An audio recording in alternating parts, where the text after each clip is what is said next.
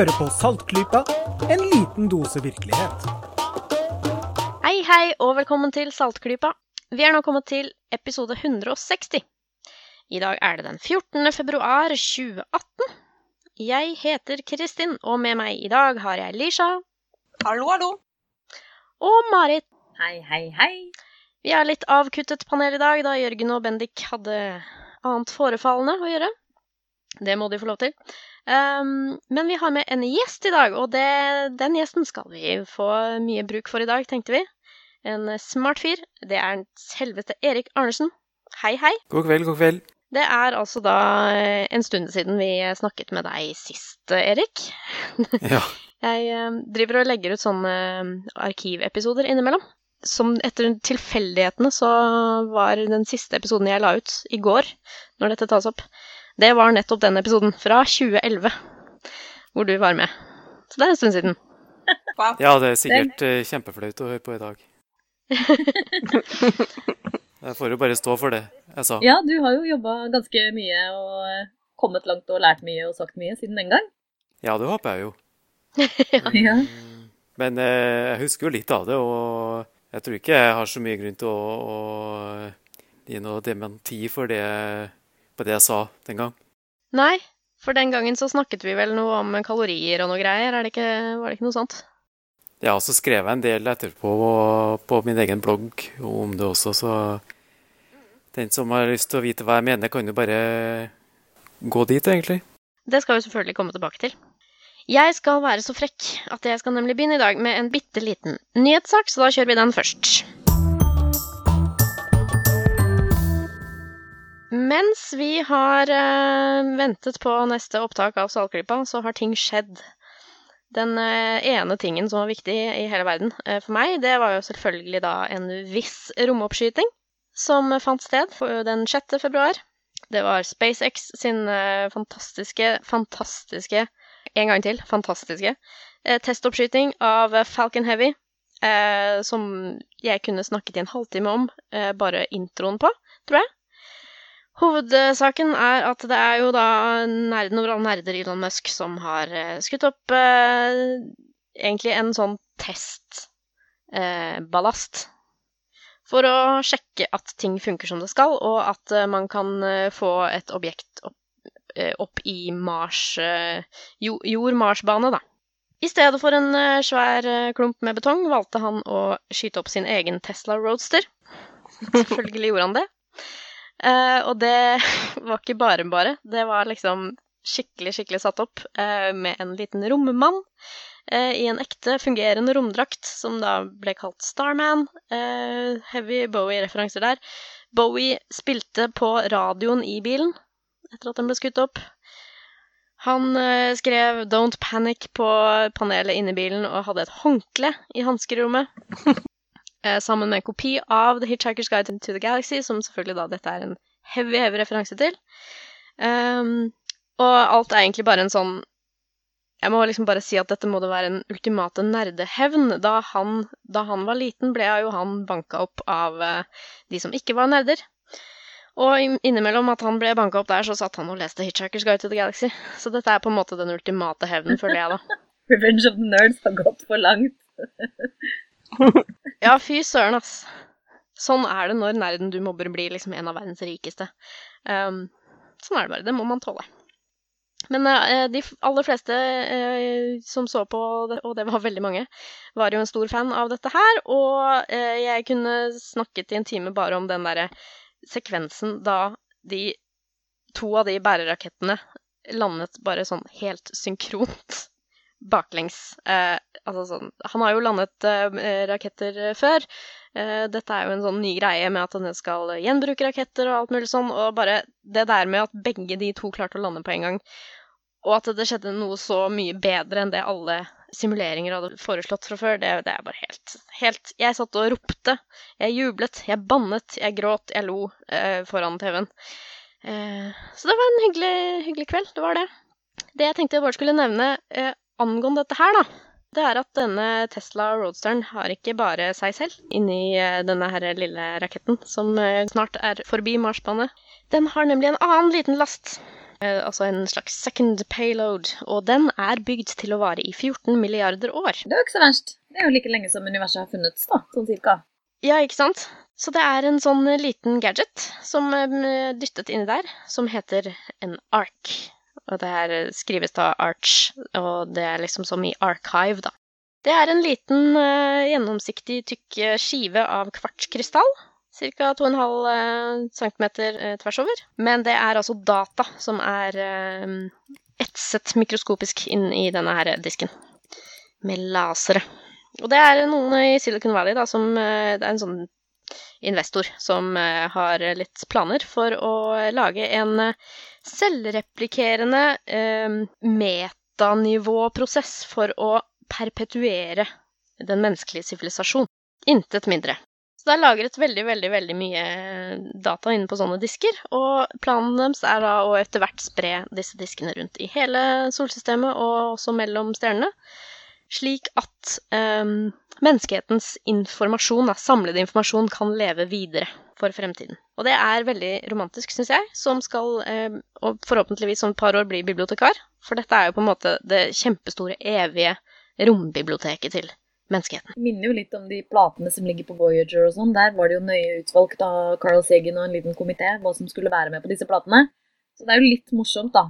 Her at det er bare sånn en liten gjeng som helt bare av fri vilje og inspirasjon har plukka ut hva som skal ligge på de klossene her. Ja, og det, var, og det var helt tilfeldig at den ble med også. Eh, den ble med denne Teslaen opp. Og det var jo fordi at eh, en av disse karene som var med å lage denne her, eh, nevnte selvfølgelig dette for Elon Musk på Twitter. Hvorpå han sa åh, den må jo bare bli med opp, da. Og så ble den det. Det kan eh, linke til en liten sak om dette her, og eh, kan røpe at eh, den disken som da faktisk er med på denne Tesla Roadsteren på vei til, til og forbi Mars, den inneholder da Isaac Asimovs Foundation-trilogi. Så da vet vi at den lever evig, i hvert fall. Apropos å leve evig, så tenker jeg eh, ja, vi skal snakke litt om kosthold, skal vi ikke det? Jo, kan vi ikke det? Kan man gjøre noe for å, kan man spise noe spesielt for å leve evig, eller Erik? For å leve evig? Eh, ja, det håper jeg man finner ut en gang i tida, for det har jeg veldig lyst til. Men eh, foreløpig så vet man lite om akkurat det, da. Ja. Men Erik, vi har jo deg med i dag, eh, for vi har fått et lytterspørsmål. Det vil si, en lang gang for en ganske god stund siden fikk vi et lytterspørsmål. Eh, og eh, du, Erik, er jo da Hvis dette stemmer, må du, må du arrestere meg hvis dette er feil. Du er helsefaglig rådgiver i Landsforeningen for hjerte- og lungesyke. Stemmer det fremdeles? Ja, det stemmer. Ah, Fantastisk. Da er du rette mann, vet du. Så vi tenkte vi skulle ha med deg for å få litt sånn litt sånn faglig input sånn mens vi babler i vei om dette lytterspørsmålet. Så jeg tenkte jeg bare skulle lese litt opp fra det lytterspørsmålet. Dette er da eh, Martin, fastlytter Martin, som har eh, skrevet til oss igjen da for en ganske god stund siden. Nå kommer vi til spørsmålet ditt, Martin. Så eh, han sier da at han eh, Lang historie kort sier han. Jeg tilhører den åpenbart snurrige og marginale minoriteten som synes dette med mat først og fremst er et svare slit. Å få i seg nok mat, og da helst mat som faktisk inneholder det som trengs av næring og vitaminer og slikt, i løpet av hverdagen, er og har alltid vært en utfordring for min del. Derfor ble jeg både glad og entusiastisk da jeg første gang leste om Soylent for noen år siden. Så dette her er sikkert noe som flere lyttere har uh, hørt om før. Det er et pulver det skal inneholde alt man trenger uh, næringsmessig, verken mer eller mindre, for et måltid. Hvis man da blander det ut med vann og lager en slags sånn smoothie eller shake av det. Så uh, problemet, da, sier Martin i sitt spørsmål, er at det er ganske vanskelig å få noen klar feeling på hva dommen er på hvorvidt Soylent og andre ting da er sunnere enn alt som har med grønnsaker og trening å gjøre, eller om det er liksom djevelen selv. Tilhengerne til Soylent de hevder jo at produktet inneholder alt man trenger fra et sunt måltid, mens en del av skeptikerne han møter, sier han, eh, sier mest ut til å basere seg på magefølelsen av at 'dette er ikke mat, ergo er det usunt'. Så har han snakket med legen sin om at han bruker Soylent, og denne legen var litt skeptisk da, siden hun ikke kjente til produktet. Og ville helst eh, sett at han brukte næringsdrikke fra apoteket til å spe på dietten, siden dette er produkter eh, denne legen føler at eh, vedkommende kan gå god for å anbefale. Det Martin da spør oss i Saltklypa. Kan dere hjelpe meg å bedømme med noen grad av sikkerhet hvor sikkert slash sunt det er å basere deler av sin daglige diett på Soylent? Det var, eh, det var et uh, bra spørsmål. Det var liksom mat, for å si det sånn, for uh, litt diskusjon med en kostholdsekspert, tenker jeg. Så Erik, hadde du hørt om Soylent? Eh, ja, det har jeg. Og det har jo vært eh, veldig populært i USA i en del år nå. Eh, spesielt i sånne jeg tror litt sånn nerdemiljøer og Silicon Valley Mm. og sånn har det vært eh, populært. Og i hvert fall der, der det starta. Starta vel rundt 2013-2014 eh, med at det var noen som la ut en oppskrift på det her på, på nettet. Det var sånn det starta, at folk kunne lage det, lage det selv. Altså litt sånn eh, open source-næring, på en måte. Ja. Og etter hvert så har de jo begynt å, å, å kommersialisere det enda mer. Og du sa det er i pulverform, og, men det finnes også ferdig, eh, ferdig utblanda drikker å få kjøpt. Eh, og det selges visstnok til og med på 7-Eleven eh, en del steder i USA nå. Yes. I tillegg så finnes det kommet nyere varianter fra andre land. I England så er det noe som heter Huel, f.eks. H-u-e-l. OK. Jeg har hørt om noen fra Nederland og litt forskjellig. Og det må også sies at det med her må- måltidserstattere generelt er jo absolutt ikke noe nytt. Det har jo vært brukt i, i, i klinikker på sykehus i, i veldig mange tiår. Og eh, det er jo også noe som hvem som helst kan kjøpe på apoteket her hjemme. Og da er det jo hensikten med det jo at det skal gi eh, næringsstoffer som, eh, som man trenger. Og noen eh, næringsdrikker kan også brukes som den eneste formen for eh, ernæring. Både blant barn og, og, og voksne. I perioder kan det også brukes som eh, eneste kost, eh, kostholdskilde, men som regel så brukes det i, vanlig til, i tillegg til vanlig kost. Mm. Vil ikke dette bli eh, Altså, dette har jo liksom én eneste konsistens. Er det noe, er det noe bra, holdt jeg på å si, for fordøyelsessystemet og sånne ting? Ja, det er noe som jeg, jeg også har tenkt en del på, det med at man ikke, ikke tygger i det hele tatt. Mm. Hva skjer da med, med Man kan tenke seg at det har noe påvirkning på tarmfunksjon og sånn. Uh, Det, det vet man lite om, da, fordi det er jo overhodet ingen forskning på, på langtidsbruk av eh, Soylent. Ikke korttidsbruk heller. Og, Ikke korttidsbrukerne. Eh, Det finnes jo enkelte som går, må ha intravenøs ernæring i i store perioder av livet. Mm.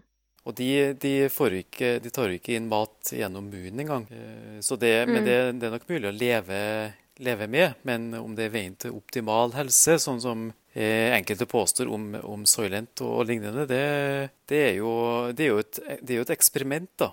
Det må man jo være klar over. Det, jeg husker jo at det, nå, de siste årene så har jo using blitt utrolig populært. Og en kritikk jeg hørte av det, som jeg jo syns virker som at det kanskje rammer Soylent òg, det er jo at hvis du liksom pulveriserer all maten din, så river du jo også opp de fibrene som egentlig skulle drevet og regulert eh, vanninnholdet i tarmen og sånne ting. Så det er kanskje noe med fiberinnholdet spesielt. Ja, nå er jo Soylent jo tilsatt eh, fiber eh, ifra Ja, jeg tror det er noen av dem som er tilsatt eh, fiber fra noe havre, eh, Men det finnes ufattelig mange typer fiber, og eh, eh, sånne isolerte fiber er ikke sikkert de har akkurat de samme effektene som eh, ulike typer fiber man får fra frukt og grønt og fra kornprodukter. Men igjen så er det ingen av de fibrene eh, som eh, sannsynligvis er essensielle, dvs. Si at, eh, at de er livsnødvendige. Men med tanke på risiko for kroniske sykdommer, så kan de være viktige. Og det er jo, det er jo litt av utfordringa med det her at vi vet, vi vet om kanskje en eh, 40 ulike næringsstoffer som er essensielle, som vi, vi må eh, få i oss eh, hver dag. Eh, men så vet vi at det finnes tusenvis av komponenter i mat og drikke som ikke har noen kjent biologisk funksjon, men eh, de er der, og de er forbundet med, med, med god helse.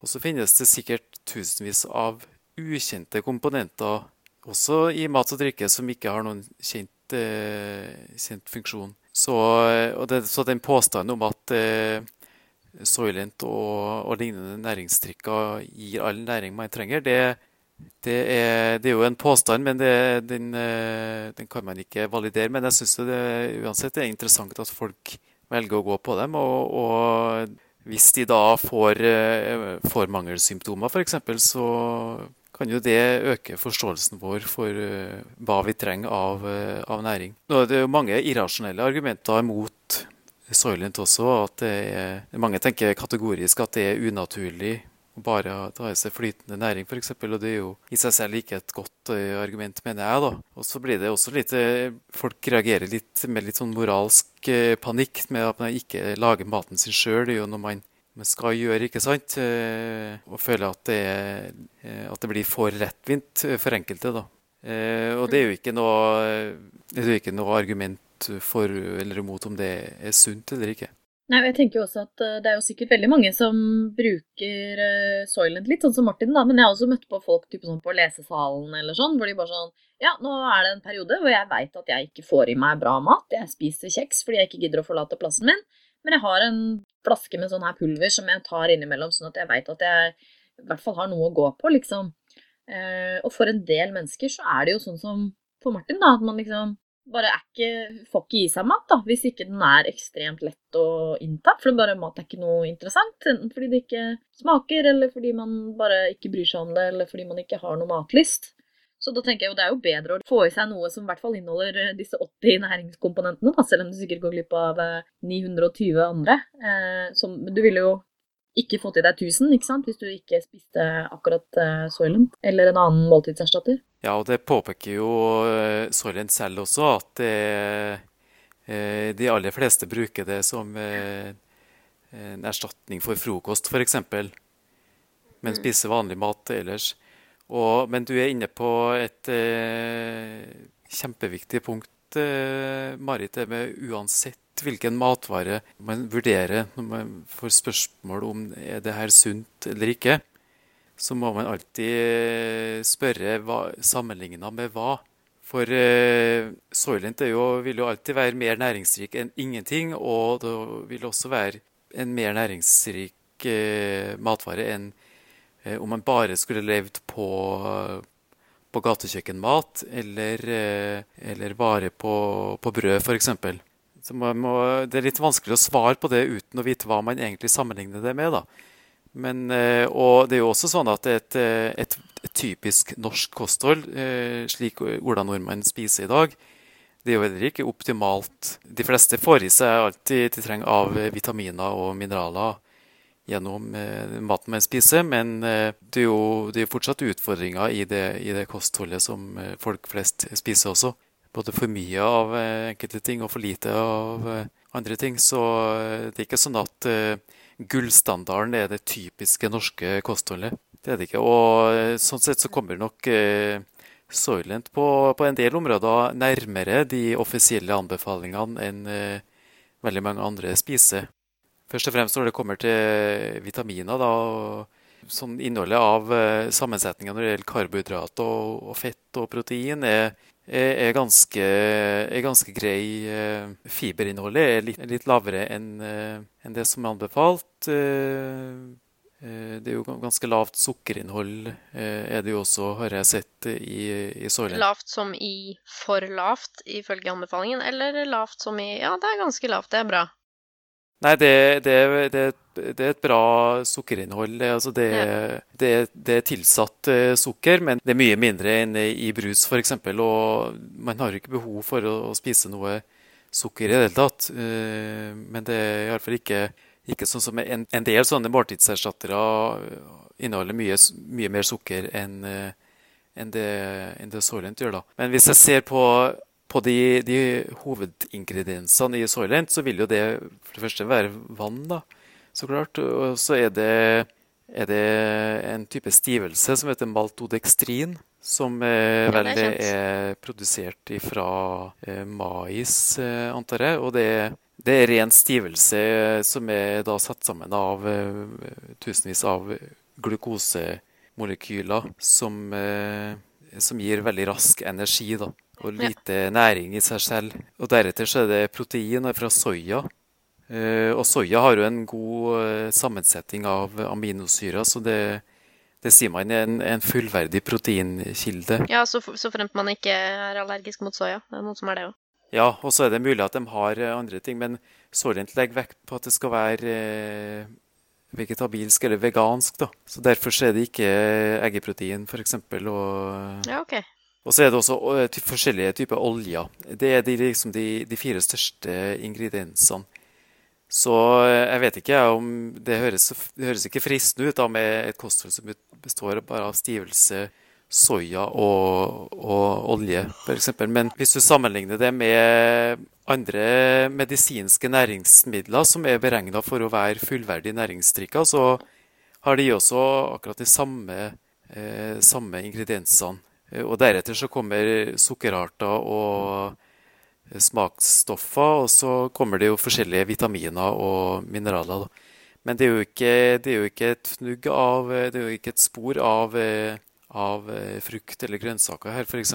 Det er jo kun isolerte næringsstoffer som igjen er vunnet ut fra matvarer. Hvor dyrt er det med Soylent, egentlig? Er det noen sånn derre type fremtidsperspektiv i f.eks. Liksom, bærekraft i å hjelpe land som ikke har mat med dette her, eller er det bare sånn typisk sånn vestlig verden-greie for de som har råd til det?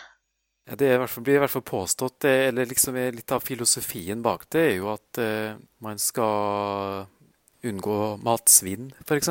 Og det vil jo i så fall ha en, eh, en miljøeffekt uh, bare det. Mm. Så intuitivt sett så er det, er det antageligvis bærekraftig, men eh, det kommer litt an på hvordan man definerer begrepet bærekraft. Eh, for det handler jo mer, handler om mye mer enn bare klimagassutslipp. Men det handler også om, eh, om, om matkultur og etikk og eh, ikke minst det her med eh, riktig ernæring, ernæringsstatus, og at det er helsefremmende. Da.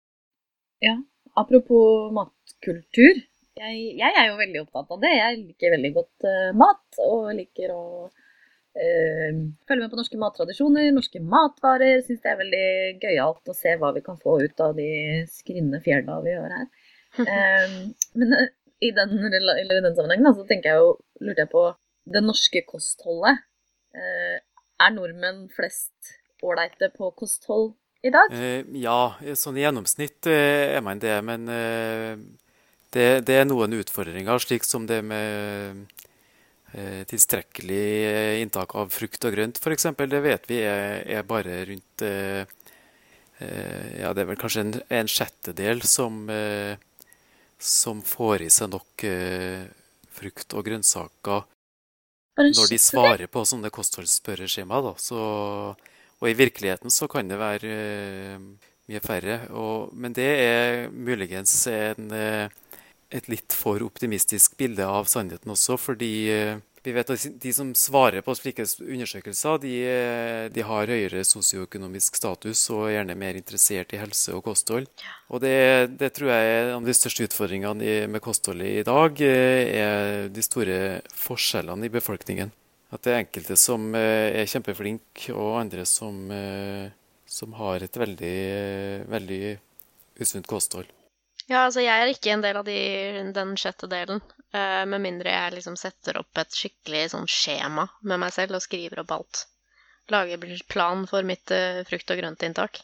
Da klarer jeg det kanskje. Ja, så er det nok en del av oss uh, og mange av de som hører på den podkasten som trekker opp gjennomsnittet en god del da, når det gjelder gjennomsnittlig inntak av, av eh, frukt og grønt. Og også grove kornprodukter. vet vi sånn, i, Hvis du ser på gjennomsnittlig inntak, så ligger det ganske nært det anbefalte. Men likevel så er det bare en fjerdedel som får i seg så mye av, av det som er anbefalt når det gjelder eh, fullkorn f.eks. Eh, det er noen som spiser på en måte sånn nok og så ekstra mye, og så er det andre som ikke spiser noen ting?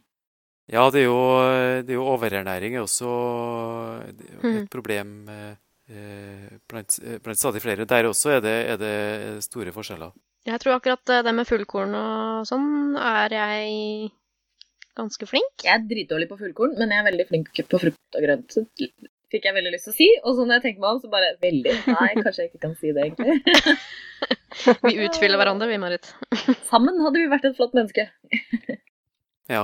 Men jeg har sett en del på det her med hvilke, hvilke faktorer i kostholdet til folk som er utfordringer når det gjelder eh, med tanke på kroniske sykdommer og, og tidlig dødelighet. da. Og, det, og, der er det sånn at vi, vi spiser for lite nøtter eh, enn det som er anbefalt. Eh, for lite fullkorn, for lite grønnsaker og for mye salt. Det er de, de fire største utfordringene. I media så skrives det veldig mye om, eh, om farene med mye sukker, f.eks. Og det er jo helt riktig at det er veldig sunt. Men eh, der har inntaket gått såpass mye ned de siste tiårene at det har kommet lenger ned på lista da, eh, enn tidligere om eh, hva som er problemet. Mm. Så når det gjelder folk flest, kan med fordel fortsatt øke inntaket av frukt og grønt, f.eks. Og også spise mindre salt og mindre bearbeida kjøttprodukter, f.eks. Og, da, og da vil mye løse seg av seg selv. Ja. Men, eh, og det er fortsatt det er kjedelige rådet om å spise variert. Det i seg selv vil også bidra til at man får i seg nok av de ulike næringsstoffene av vitaminer og mineraler. Apropos å spise variert. Eh, hvert eneste år, og litt oftere, er det jo sånne hippe dietter som eh, ruller inn over det ganske land. Eh, ruller inn over mediene, ruller inn over damebladene, og dukker opp også gjerne med sånne kokebøker i eh, min eh, Facebook-reklamefeed, i hvert fall. Så de er jo kanskje ikke varierte mens man holder på, men de er jo veldig varierte sånn på sikt, da. Hvis jeg, hvis jeg holder meg til de motediettene, liksom.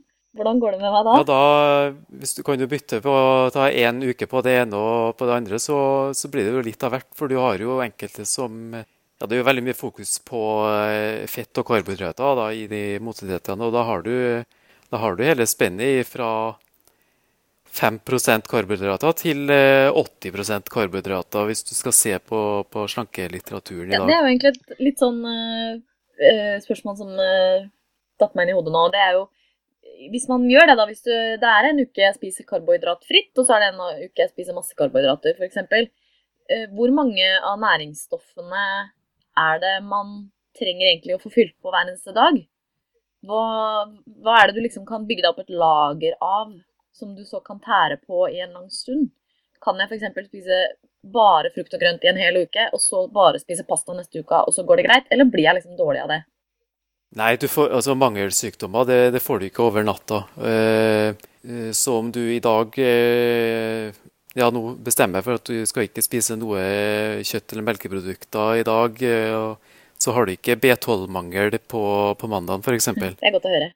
Også, og jernmangel det kan også ta flere år før man liksom ser på eh, Får noen kliniske symptomer på det. Det er ikke nødvendigvis sånn at det er trygt å gå og så lenge med et lavt inntak av det her, men eh, eh, Og det kan ha veldig mange sånne subkliniske effekter da, som, eh, som kan ha negative effekter, det også. Men mangelsykdommer, sånn, eh, sånn som eh, man mister håret og, og, og tennene og, og, sånne ting, det, det tar eh, mange måneder å utvikle. Der, der, det kanskje begynner å bli å si farlig, da, er hvis man liksom ved å følge litt for mange sånne motedietter kanskje blir litt eh, krampaktig opptatt av det. Det har jo blitt et sånt eh, nymotens ord de siste årene som heter eh, Eller en sånn betegnelse som heter ortoreksi.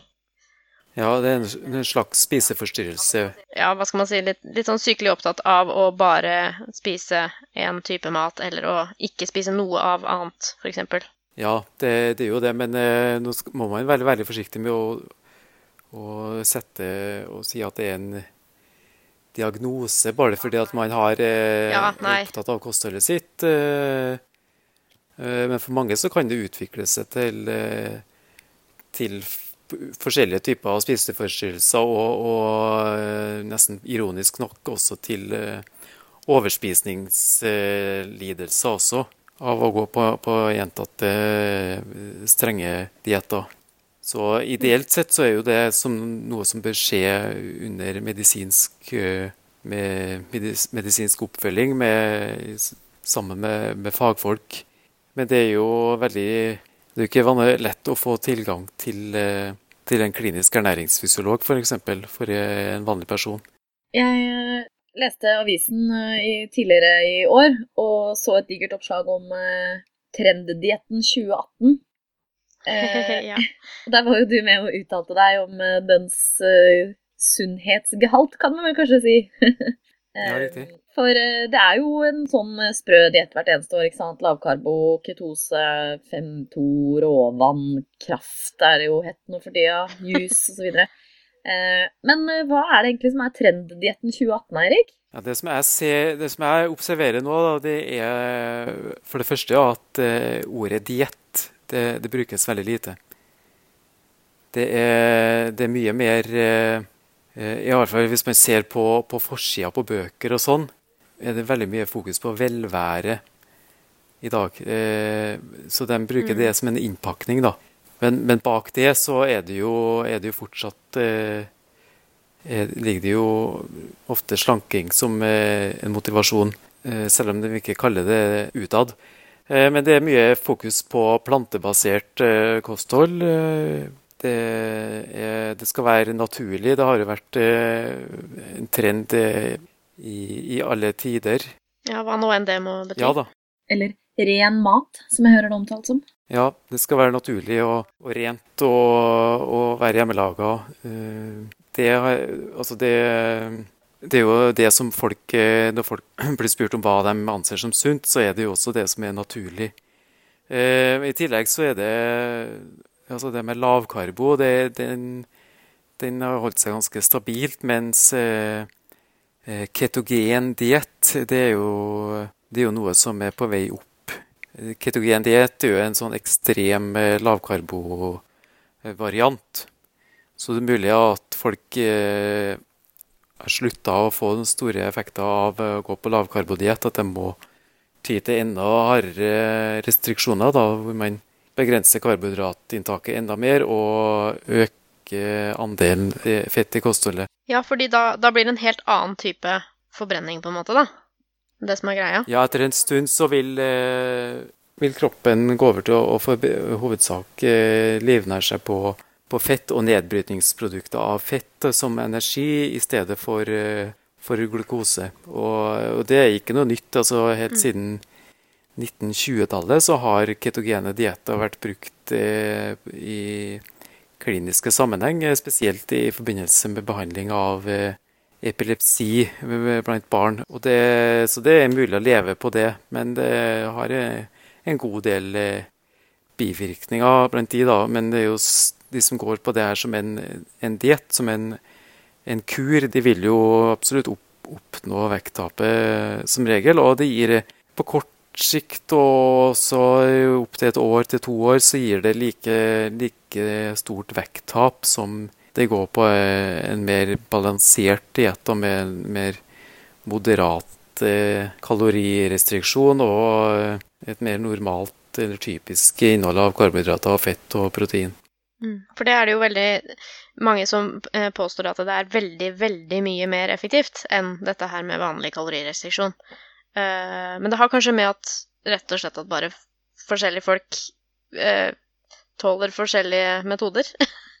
altså at noen, noen, blir mer mett av sånn mat enn annen mat.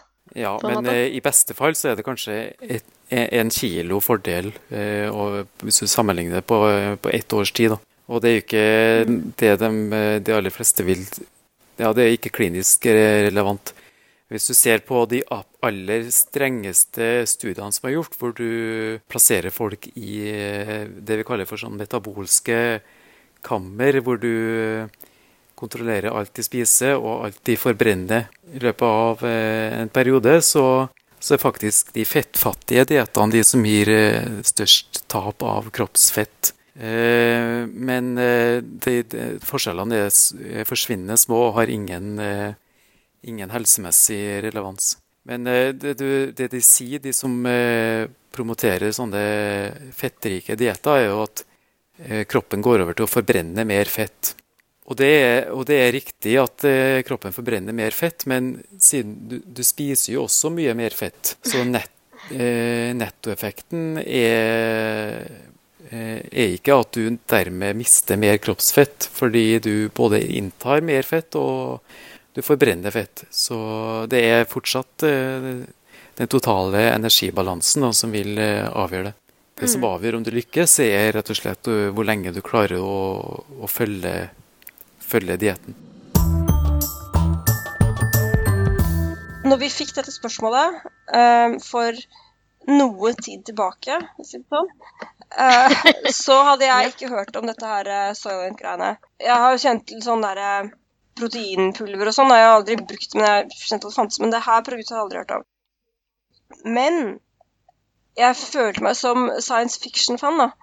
Eh, så følte jeg at navnet på dette produktet er helt hårreisende upassende, og jeg kan ikke fatte og begripe at de har valgt det navnet frivillig. Altså, det er, det er utrolig at Dæven. noen må jo ha gitt dem det navnet som en vits, og så har de vært så utrolig dumme uvitende at de faktisk har valgt det. Jeg kan ikke fatte, Er det bare meg? Er det bare noen andre som reagerte på det navnet? Det er jo vitsen, Lisa!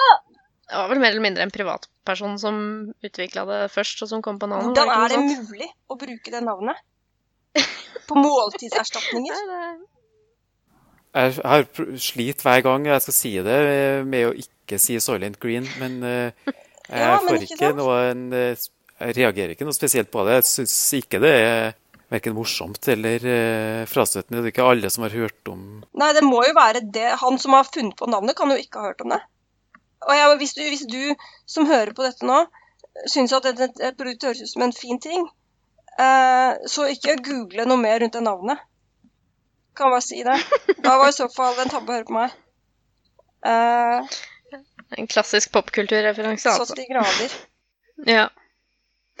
Det kan jo være en eh, øvelse for lytteren, hvis eh, de lurer på hvor det ordet kommer fra.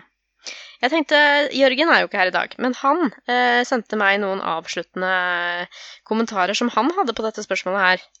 Eh, så jeg tenkte jeg bare skulle oppsummere også, så hans meninger også kommer med i denne episoden.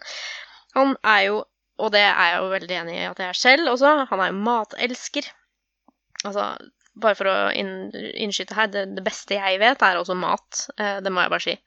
Men som matelsker, da, sier Jørgen, så hadde han aldri eh, gått over til Soylent eller tilsvarende produkter, men eh, som erstatning for søppelmat på automat for travle mennesker, eller for andre som har lignende behov, så er det jo helt sikkert topp. Um, og kan for så vidt ikke se noe galt i å bruke kostholdserstatninger i stedet for eh, andre ting som kan være vanskelig eller kjedelig eller annet å innta, da.